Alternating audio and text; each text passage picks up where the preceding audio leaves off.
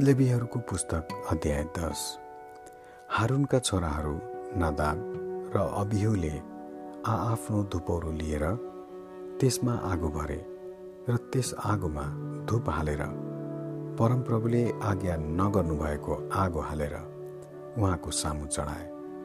यसकारण त्यतिखेर परमप्रभुबाट आगो निस्केर उनीहरूलाई भस्म पार्यो र उनीहरू परमप्रभुको सामु मरे। तब मोसाले हारुनलाई भने परमप्रभुले भन्नुभएको कुरा यही हो। मेरो नजिक आउनेहरूमा म पवित्र बन्नेछु अनि सारा मानिसहरूका सामु म महिमित हुनेछु। हारुन चुप बसे।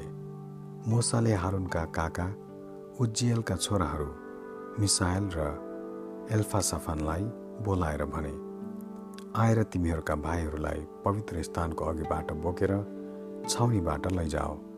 यसैले तिनीहरू आएर उनीहरूले लाएकै लबेदामा मुसाले भने बमोजिम छाउनी बाहिर उनीहरूलाई बोकेर लगे। तब मोसाले हारुन र उनका छोराहरू एलाजार र इतामारलाई भने तिमीहरूका शिरका केस नफुकाओ आफ्ना लुगा नच्यात नत्र त तिमीहरू मर्नेछौ र सबै समुदायमाथि परमप्रभुको को क्रोध पर्ला। तर परमप्रभुले पठाउनु भएको अग्निले नष्ट भई मरेकाहरूका लागि तिमीहरूका नातेदारहरू इजरायलका सारा घरनाले बिलाप गरे हुन्छ। तिमीहरू चाहिँ भेट हुने पालको ढोकाबाट बाहिर नजानु। नत्र त तिमीहरू मरौला किनभने परमप्रभुका अभिषेकको तेल तिमीहरूमाथि छ। यसर्थ उनीहरूले मोसाको वचनअनुसार गरे। त्यसपछि परमप्रभुले आरूलाई भन्नुभयो तिमीहरू भेट हुने पालमा जाँदा तिमी र तिम्रा छोराहरूले दाखमध्ये अथवा अरूमध्ये नपिउनु नत्र त तिमीहरू मरौला।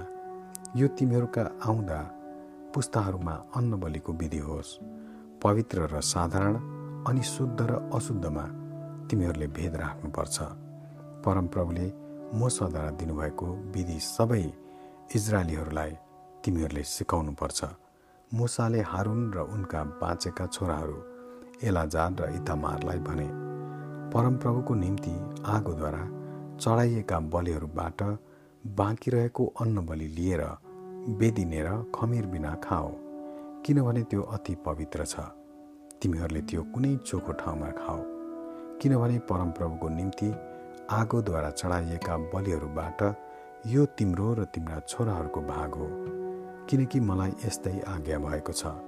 तर डोलाइएको ह्याकुला र प्रस्तुत गरिएको साँप र चाहिँ तिमी र तिम्रा छोराछोरीहरूले चोखो ठाउँमा खानु।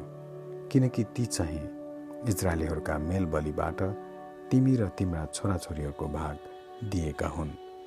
आगोद्वारा चढाइएका बलिहरूको बोसोसहित प्रस्तुत गरिएको साँप्रो र डोलाइएको ह्याकुलो परमप्रभुको सामु डोलाइने बलिको निम्ति तिमीहरूले ल्याउन्। र परमप्रभुले आज्ञा गर्नुभए बमोजिम तिमी र तिम्रा छोराछोरीहरूका निम्ति ती सदाको हक हुनेछ।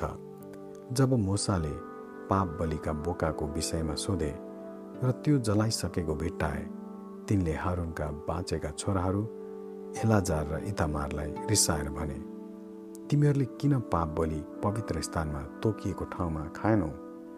किनभने त्यो अति पवित्र थोक हो।